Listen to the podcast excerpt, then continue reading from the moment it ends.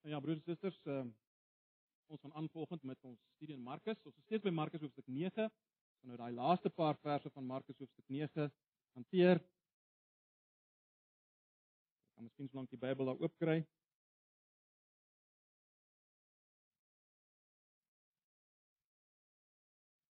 Maar uh, voor ons gaan saam lees, kom ons vra net dat die Here met ons sal praat deur sy woord.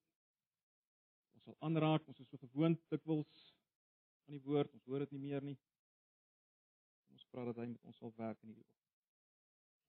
Ja, Here, ons kom nou na U toe en dis ons gebed dat U met ons, U kinders sal praat. Here, U ken ons, ken ons swakheid. U ken ons geneigtheid na selfgesentreerdheid. En ons wil vra dat U vanoggend ons sal aanspreek. Ons denke sal vernuwe oor hierdie hele saak opnuut, soos U reeds gedoen het. En dat U ons sal beweeg tot radikale optrede. Alles tot eer van U naam. En tot uitbouing van U koninkryk sodat ons 'n lig kan wees, sodat ons sout kan wees in 'n verdorwe wêreld rondom ons, 'n wêreld wat U nie ken nie, wat vir hulle self leef. Asseblief, Here, ons vra dit in Jesus se naam. Amen. Markus 9 nou ons fokus gaan eh, vers 43 tot 50 wees, maar omdat ons nou afsluit ter wille van die geheel prentjie, kom ek lees net weer vanaf 33.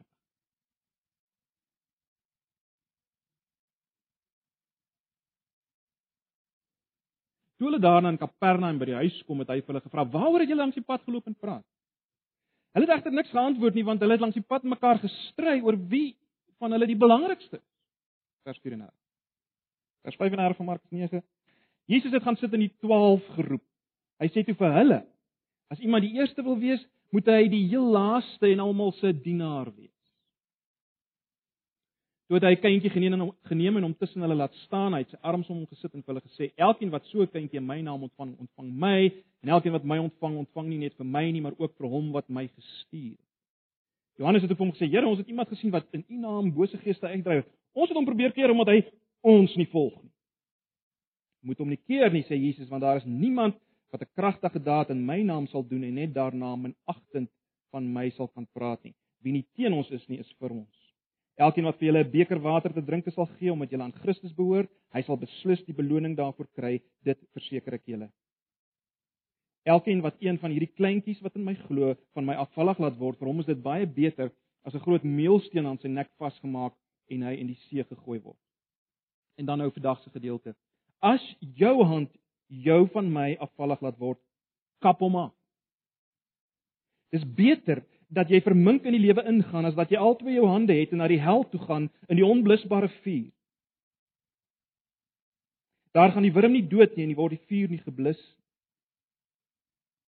En as jou voet jou laat struikel of jou voet jou van my afvallig laat word, kap hom af. Dis beter dat jy krepeel die lewe ingaan as dat jy altoe jou voete het in die in die hel gegooi word. Daar gaan die wurm nie dood en word die vuur nie geblus. En as jou oog jou van my afvallig laat word, pluk hom uit. Dis beter dat jy met een oog die koninkryk van God ingaan as dat jy albei oë het en in die hel gegooi word. Daar gaan die wurm nie dood en word die vuur nie geblus. Almal sal met vuur van beproewing gelouter word. Sout is goed, maar as sout sy krag verloor het, waarmee sal 'n mens dit weer sout maak? Julle moet werklik sout wees en in vrede met mekaar lewe. Broers en susters, ons het al op mekaar gesê ons leef in die tyd van selfone, selfies en likes. En as ons rondom ons kyk, uh, dan sien ons dat mense baie ure en baie rande spandeer uh aan aan hulle voorkoms, hulle eie liggame, sodat hulle aanvaarbaar kan wees in hierdie hedonistiese ego-gesentreerde samelewing. En ons adem hierdie gees elke dag in, hoor. Hierdie gees wat daar waar daar nie net ges, gestaar word na jou selfies nie, daar word gestaar in die spieël. Wat vandag tel, ag en julle weet dit, wat vandag regtig tel is hoe ek voel, hoe ek lyk, wat ek dink is reg, Dis my tyd. Dis my keuse. Dis my lewe. Hoor jy dit wil?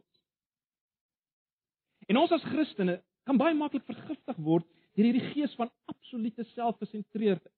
Let wel, 'n gees wat totaal indryf teen God se wil vir sy volgeling.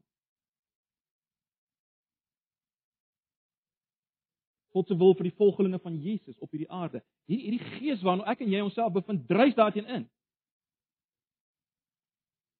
Ag broers en susters, vir onsself is dit so maklik uh om my kristendom maar net te sien as iets wat my meer gewild maak, meer gemaklik, meer veilig, meer welvarend.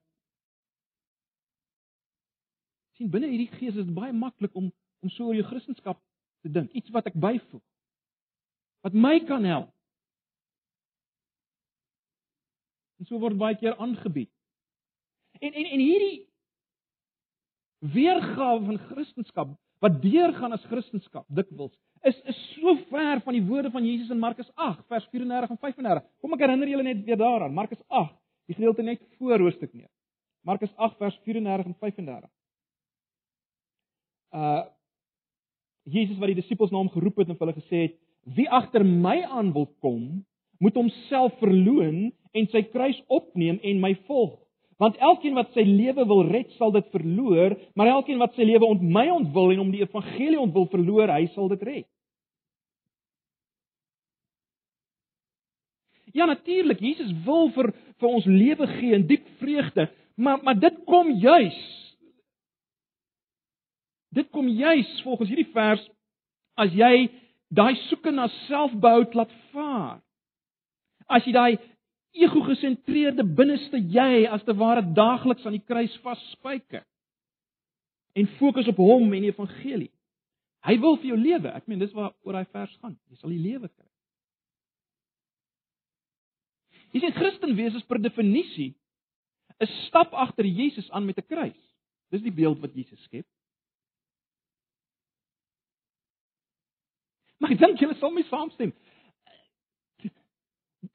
dit kan nie meer anders wees as as as wat dit kan van die wêreld nie, né? Nee, dis dis dis totaal anders as die wêreld rondom ons. Uh, dit dit dit maak geen sin vir die wêreld rondom ons. En daarom is dit nie meer gewild onder Christene nie. Daarom probeer Christene hierdie hierdie oproep vermy. By wyse van Spreuke, as jy nou Markus 9 in gedagte hou, by wyse van Spreuke wil ons op die berg van verheerliking eerder bly soos die disippels daar aan die begin van Markus 9. Ek meen, belangrik en gemaklik. Belangrik en gemaklik. Dis hoe ons wil bly as ons kan kies. Soos die disippels het ons weer nodig om God se stem uit die hemel te hoor. Onthou julle by daai geleentheid op die berg van verheerliking en die stem uit die hemel gekom het gesê: "Dit is my geliefde seun, luister na hom." En ons het weer nodig, broers en susters, om om om te luister na Jesus. Ek het al vir julle gesê as God die dak kon open vandag, sou sy woorde niks anders gewees het as luister na my seun nie. Want dis sy laaste finale woord aan die wêreld. Luister wat hy te sê het oor die pad van kristendom, oor volgeling wees van Jesus. Oor Christen wees as jy wil.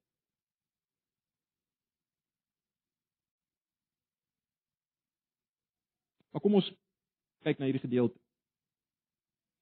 Kom ons dink net eers weer aan die direkte konteks van vers 43 tot 50. Kom ons dink net weer aan die direkte konteks.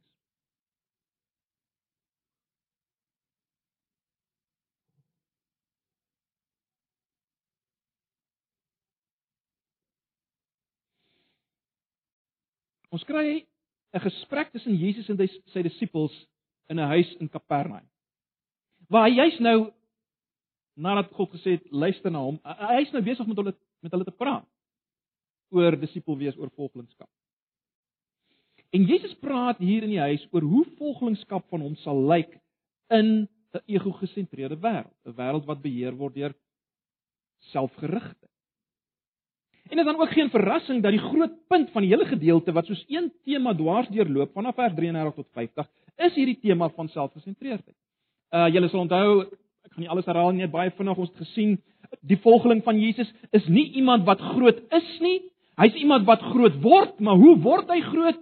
Deur die dienaar te wees van die nie die belangrike ouens nie, want dis lekker, van die geringstes. Dis hoe jy groot word in die koninkryk. Die volgeling van Jesus is nie iemand wat ander volgelinge buite sy kring as vyande beskou omdat hy alle eer vir homself wil hê nie. Die volgeling van Jesus is nie iemand wat groot lofbetuigings en uh eerbetonings en eerbewyse soek nie. Nee. Selfs 'n beker water omdat hy aan Jesus let wel behoort is genoeg. Vir die laaste geleentheid, dit was net twee Sondae gelede toe ons hierna gekyk het, het ons gesien uh wat is die vreeslike en onvermydelike straf vir diegene wat ander sogenaamde minder belangrike gelowiges, die kleintjies, die kinders wat so beskou word deur die selfgesentreerde Christen. Uh ons het gekyk na die geweldige straf wat wag op die wat sulkes laat struikel van wie hulle selfgesentreerdheid, van wie hulle selfgesentreerd. Met ander woorde, as jy nie hulle belange op die hart dra nie, Jesus het gesê dis beter. Dis beter as 'n meel as dat 'n meelsteen, daai swaar maalklip wat deur die donkies getrek is. Dis beter dat so een om jou nek gehang word en jy in die diepte van die see gegooi word. Nou, hierdie gedeelte van vanoggend vers 43 tot 50 staan natuurlik nie los van hierdie dinge waaroor ons gepraat het nie, nee, die voorafgaande. Hier gee Jesus nou praktiese aanwysings vir sy leerdlinge om hierdie pad te vermy wat uiteindelik aanleiding gee daartoe dat jy 'n meelsteen om jou nek kry. Right. Dis dis wat ons hier kry. Jesus gee praktiese aanwysing vir sy disippels, sy volgelinge, hoe om hierdie pad te vermy wat uiteindelik uitloop op 'n meelsteen om die nek. Jy sien as jy die kleintjies, ander gelowiges laat struikel, dan struikel jy self in die proses. Kom ek stel dit anders. As jy jou eie val wil voorkom, moet jy ander se belange op die hart dra, moet jy vir hulle geestelik sorg. Dit was die hele punt van die vorige keer. Uh as jy as jy as jy hulle val wil voorkom, moet jy positief gesien hulle uitreik, hulle versorg geestelik Maar wat ons nou vanoggend in hierdie gedeelte sien, dit om so te wees, om vir hulle geestelik te sorg, gaan beteken dat jy moet drasties handel met al daardie dinge wat jou selfgesentreerd maak. Wat maak dat jy nie uitreik, verstaan jy? So dis wat ons hier kry. Ek moet drasties ontslaa raak van my selfgesentreerdheid as ek wil uitreik en nie die kleintjies, ander gelowiges wil laat struikel. En daarom kom Jesus nou gee nou voorskrifte aan sy leerlinge. Nou dit klink nogal 'n ge, bietjie gewelddadig, nê, nee, buitensporig. 'n Bietjie eksentriek om die waarheid te sê.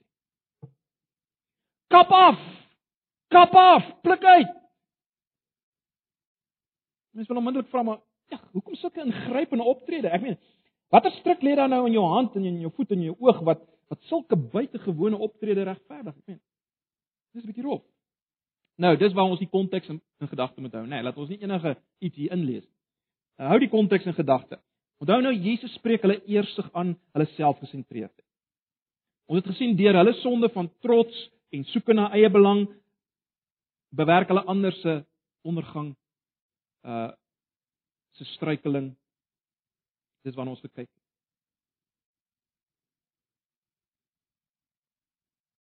Die oog en die hand en die voet hier gaan dus oor die hand en die voet en die oog in diens van jou eersig. Hoor julle dit? Dit gaan hier binne die konteks dus oor jou hand en jou voet en jou oog in die diens van jou selfgesentreerdheid. In ander woorde, daai hand wat alles wil regeer en beheer tot my voordeel, dit tot my voordeel wil bewerk, die hand. Die voet wat wil voorop uh, voorop gaan, wat wil voor staan, wat eerste wil wees die voet. Die oog wat jaloers is, wat posisie soek. Dis waarvan Jesus hier praat. Dit is baie duidelik dat Jesus sy disippels baie baie skerp teregwys broers en susters. Want ons het gesien hulle wil mekaar oorheers. Die hand, né? Nee. Julle aan die begin. Ek meen hulle het geredeneer oor wie is die belangrikste. Hulle wil voor die ander een wees. Hulle het gestap na die duiwel uitdrywer wat nie deel was van hulle groep nie en hulle verbied hom. Dis waarna toe hulle voet hulle gevat. Hulle oë het hom veroordeel. Eersig het hulle optrede bepaal. Eersig wat lei tot heersig, né? Nee. So in 'n ander woorde, die die punt is hulle hulle as disippels het hulle ledemate as jy wil in diens van hulle selfgesentreerdheid gestel. Hulle het hulle ledemate in diens van hulle selfgesentreerdheid gestel. Dis 'n geweldige ernstige toedrag van sake. Met geweldige ernstige gevolge. Ek meen, dink net weer aan vers 42. Eh, ons is besig met geweldige ernstige sake. En daarom is die oplossing baie radikaal. Die oplossing is amputasie.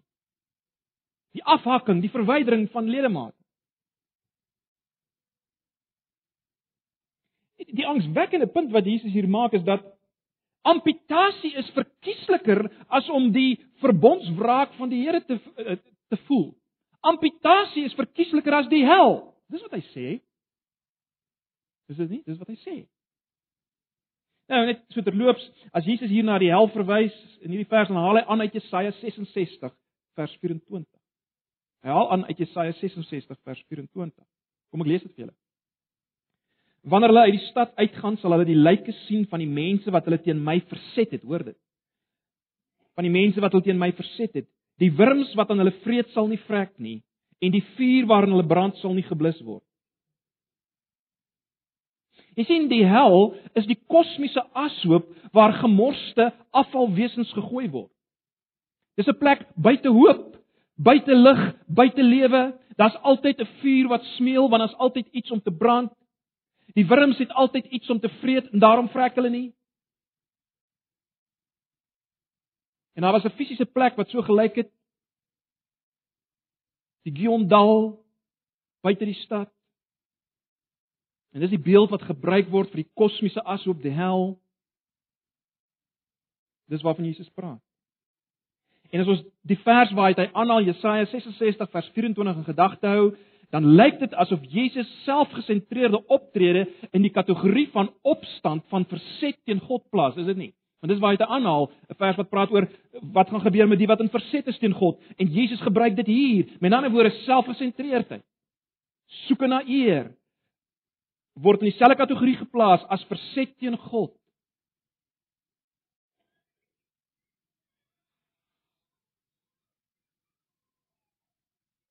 So dis geen ligtelike saak hier nie, is dit?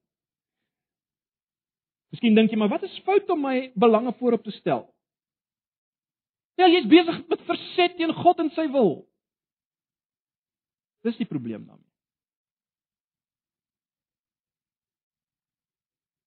Jy verset jou teen die pad van die kruis. Die enigste pad wat lei na lewe. Maar wat sê Jesus ten diepste?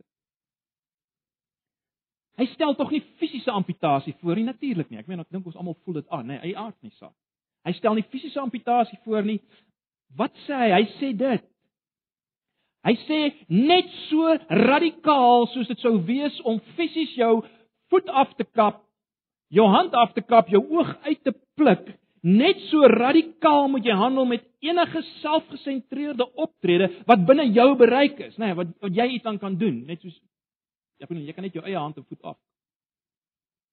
Met ander woorde, net so radikaal, net so radikaal moet jy handel. Die verdere implikasie is dat dit sal pynlik wees, nê. Nee om fisies ontslae te raak van 'n hand en 'n voet. Ek dink nie een van ons weet regtig nie, maar dis pynlik. Dis verseker pynlik. En ek dink die implikasie is hierdie ontslae raak, hierdie radikale handeling met eersig eh, gaan pynlik. En jy moet dit self toepas op jouself en jy moet dit vrywillig toepas op jouself en dis die ergste, né? Nee. Ek meen as dit as so iets met jou gebeur van buite af van maar om dit self te doen, om self radikaal te handel met jouself. Dis nie so eenvoudig. Maar dis die uitdaging. Om 'n bietjie anders te stel, dit gaan eintlik hier oor die keersy, as jy wil, die keersy van die gebod om God en jou naaste radikaal lief te hê. Net soos jy tot radikale uiterstes moet gaan om jou jou naaste en God positief lief te hê, net so moet jy radikaal optree teen enige iets wat jou verhinder om hulle lief te hê, radikaal lief te hê. In 'n woorde, dit gaan hier oor die uiterste noodsaaklikheid om drasties op te tree teen sonde wat die dubbele liefdesgebod oortree. Liefde vir God en liefde vir mense, né? Nee. Die noodsaaklikheid om drasties op te tree. Want die hele punt is, die hele punt van Jesus is wie nie radikale maatreëls tref om met selfgesentreerdheid in sy lewe af te reken nie, wel, soos persoon stuur af op die ewige straf van God. Dis wat Jesus hier sê, punt. Is dit nie? Dis wat hy hier sê. Broers en susters, ons ons moet verstaan die geweldige skok wat dit moes gewees het vir die disippels. Dink nou net vir 'n oomblik. Ek meen, uh hulle droom van oor wie is die belangrikste. Dis waaroor hulle redeneer op pad nou hier na die na die huis in Kapernaum. Wie wie van ons is die belangrikste? Wie gaan voorwees? Jesus sê, luister, vergeet daarvan. Vergeet daarvan, vergeet van wie is die belangrikste, wie wie gaan voor staan? Daar lê 'n stryd vir julle voor om net heel huis in die hemel uit te kom. Dis wat Jesus vir sy disippels sê. Met ander woorde, hulle droom word omgesit in die nugtere werklikheid van onderdanigheid en diens van die verbete stryd teen jou eie hoogmoedige hart. Sonder erns met die stryd teen selfgerigtheid, hoogmoed.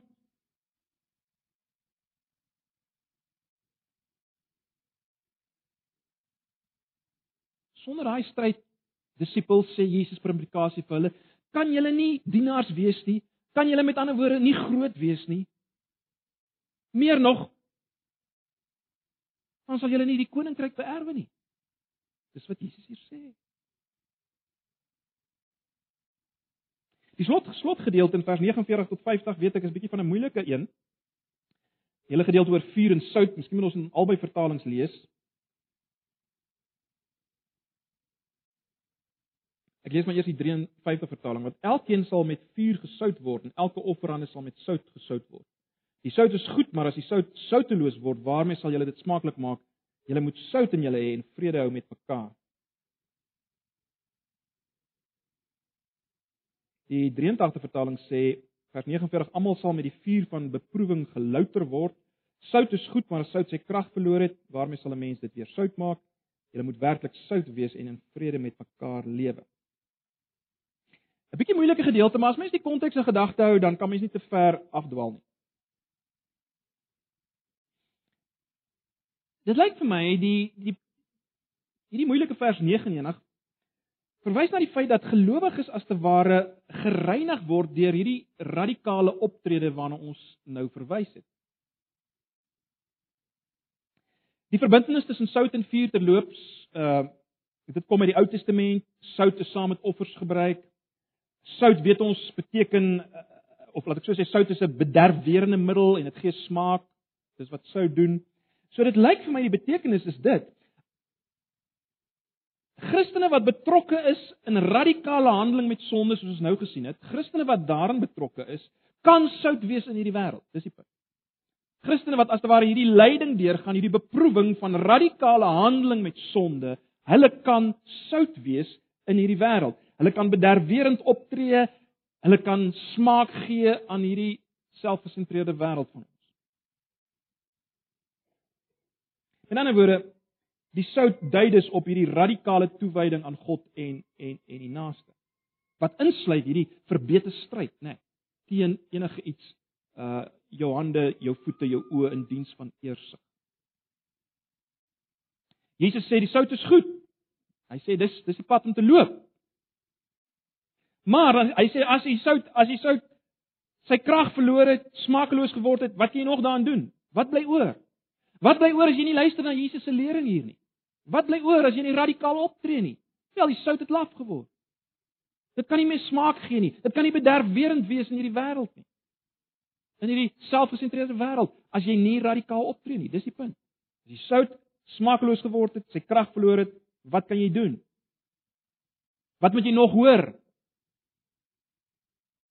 As jy dit hoor nie, wat moet wat moet jy nog hoor?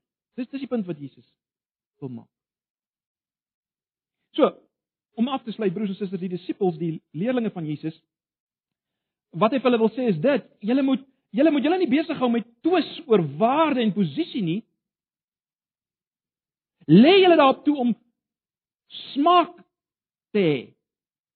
As ek dit so kan stel. Smaak vir God te hê, smaak te gee in die wêreld.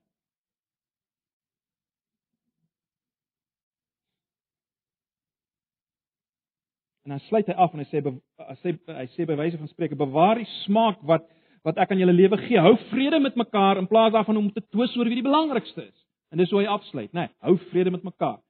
En ek het wil ek sê dis hoekom hierdie gedeelte eenheid vorm. Begin oor die saak wie's die belangrikste en dit eindig met hou vrede onder mekaar. Verander julle denke. sien wat die belangrikste is. Dis wat Jesus wil sê. Kom ons Kom ons maak 'n paar samevattende opmerkings en trek dit bietjie nader aan onsself.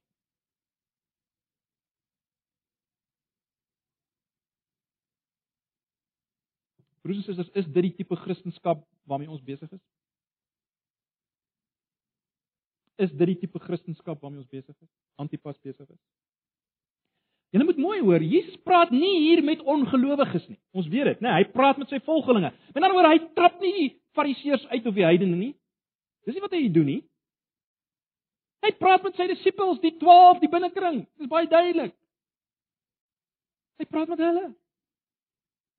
En hy gebruik geen ligtelike taal nie. Hy gee nie 'n vinnige, pynlose kitsoplossing vir hulle selfgesentreerdheid nie. Hy sê ook nie luiter bid net die Here dat hy julle geneigtheid tot selfgesentreerdheid sal wegneem nie. Nee, nee, hy sê nie dit nie. Hy sê kap af. Kap af. Pluk uit. Dis wat hy sê.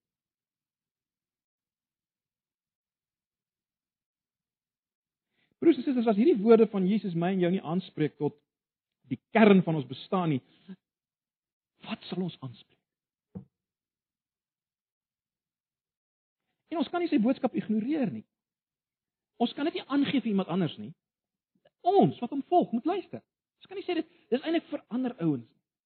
Dis vir ons. Dis vir Antipas. Dis vir my. Jy sien ons moet hoor in hierdie gedeelte dat die soeke na eie belang, eersig, selfgesentreerdheid, net soos jy dit wil stel, is 'n erger sonde as wat ons dink. Ons sal 'n groot fout maak as ons dink ag, is maar net 'n ou, dis maar net 'n swakheid van my. Dis net 'n ligte ou sonnetjie. Soos te veel koek eet en so aan. Nee.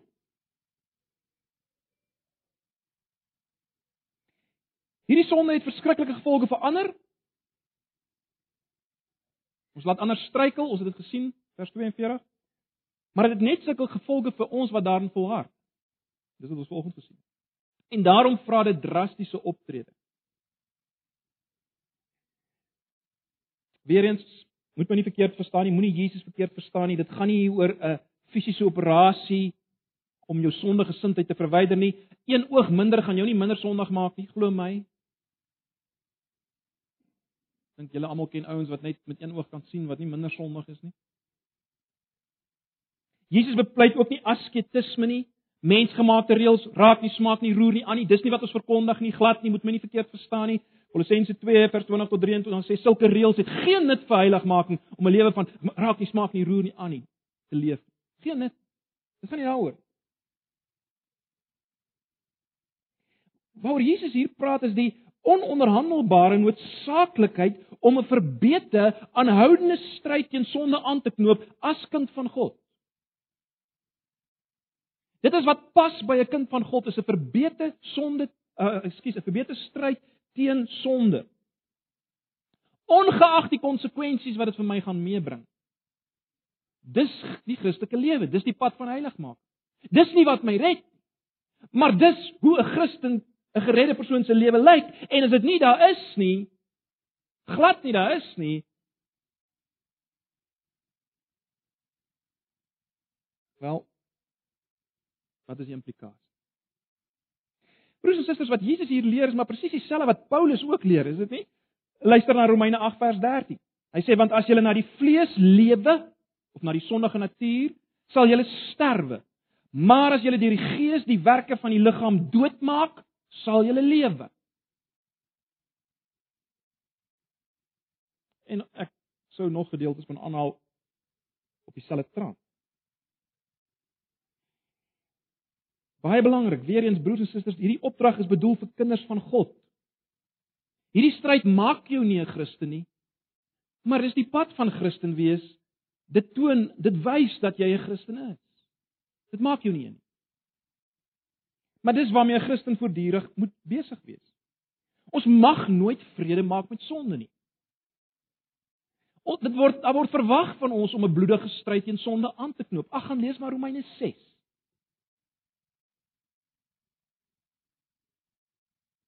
Geweldig belangrik dat ons weer sal hoor vol. Dis 'n stryd om lewe en dood. Ons het dit in Hebreërs 12 gesien.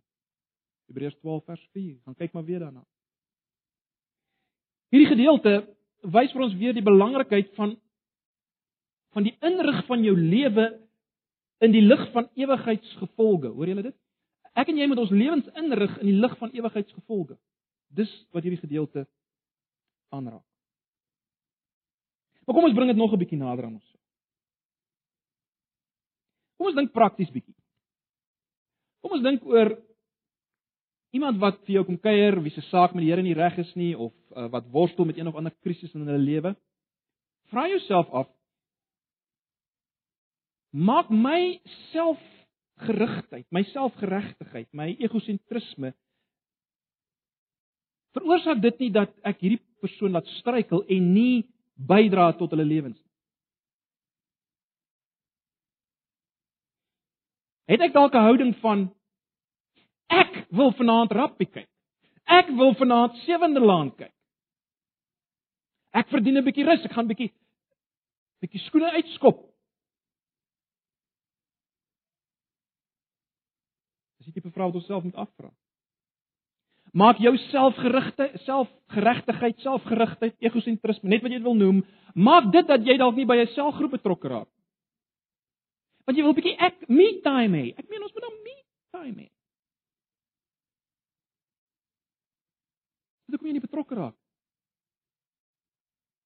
Dis die vraag wat jy jouself moet afvra.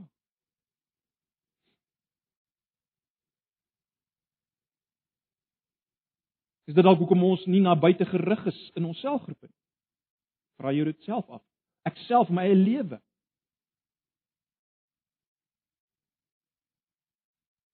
Jy sien ons moet vra, ons moet onsself afvra, wat vra hierdie gedeelte van my? Watter radikale optrede? Dalk moet ek my televisie se kragprop uittrek 'n bietjie. Dalk moet ek maar my liefling reeks groet. Maar maar een een aand van sewende laan mis. Op twee aande.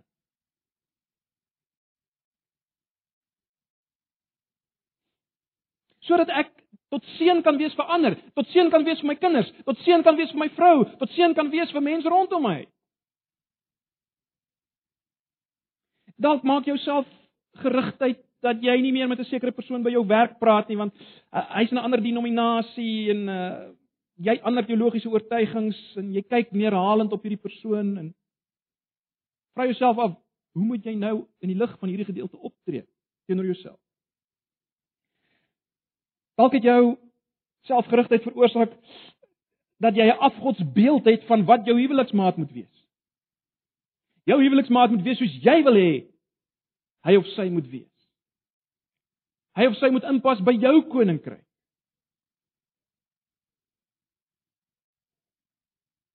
Dalk jy nodig om te handel met jouself wat dit betref.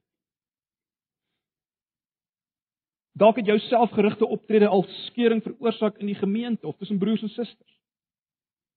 Jy wil jou sin hê oor hoe dinge in die gemeente moet gebeur of, of waar ook al. Van die selfgroep. Jy, jy, jy. Ek. Ag broers en susters. Ons het vanoggend gepraat by die skaapsessie oor bekering. Dalk is dit tyd dat ons tot bekering moet kom. Daaglikse bekering van hierdie goed. Dis Christen wees. Daaglikse bekering. Kom op jou aangesig voor die Here. Erken jouself gerigte en staan dan op en leef anders. Ja, jy gaan weer struikel. Maar kom terug. Erken, bely Miskien voel jy vanoggend maar Jesus is dan 'n bietjie hard hier op ons. Uh nee, broers en susters, ons moet sy liefde hier raak. Die hele feit dat hy hierdie lering gee vir sy disippels wys hy's lief vir hulle. Hy wil verhoed dat hulle die lewe mis, dat hulle ware vreugde mis.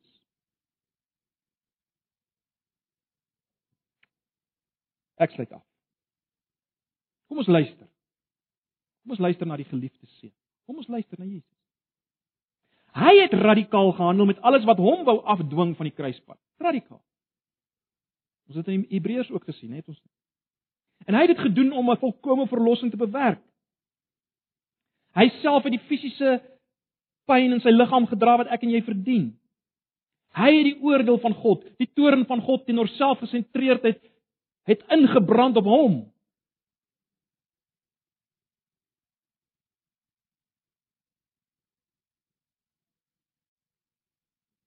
Hy's nou verheerlik. Hy wag vir ons. Maar die pad wat ons moet stap broers en susters is die pad van die kruis waarin ons radikaal moet handel met alles wat 'n streep wil trek deur wat hy gedoen het aan die kruis. Selfgesentreerd. Ons moet 'n stryd aan, 'n drastiese stryd aanknoop teen selfgesentreerd. Maar kom ons eindig positief. Ons volgende om hier om die nagmaal te vier. Kom ons laat toe dat die nagmaal en dit wat ons daarin sien, Jesus se liggaam wat gebreek is, die brood wat ons breek, sy bloed wat gevloei het, die beker waaruit ons skink, laat dit ons aanspoor om om vir hom te lewe en sy koninkryk en verander en nie vir onsself. Hy het homself prysgegee. Hy het nie vasgehou aan wat hy kan kon vashou as as God nie. Hy het dit prysgegee hy het 'n slaaf geword en hy het die hy het die geringstes gedien. Hy het die gedien wat hy geweet het gaan hom verloon. Hy het sy lewe vir hulle gegee. Ag. Kom ons laat toe dat dit ons beweeg om in die lig daarvan op te tree teenoor onsself te rig. Kom ons bid saam en dan gaan ek vra dat die diakens net vir ons die tafel oop. Ag Here, help ons. Help ons deur die werking van die Gees om dit wat U hier sê te doen. Soos Paulus dit verwoord, help ons om deur die Gees die werke van die liggaam, die werke van die liggaam veral dan in diens van selfgerigtheid dood te maak. Bid dit vir myself. Here, U ken my. U weet hoe ek ver ver ver te kort kom. U ken ons elkeen. U ken ons as gemeente. Ons bely. Die lig van wat U vir ons gedoen het, Here Jesus. erken ons dit ver oggend as absolute son. Die lig van dit waarvoor hy ons gemaak het. Vergewe ons. En ag Here, wil U ons nou kom versterk en kom bemoedig deur die teken van die nag.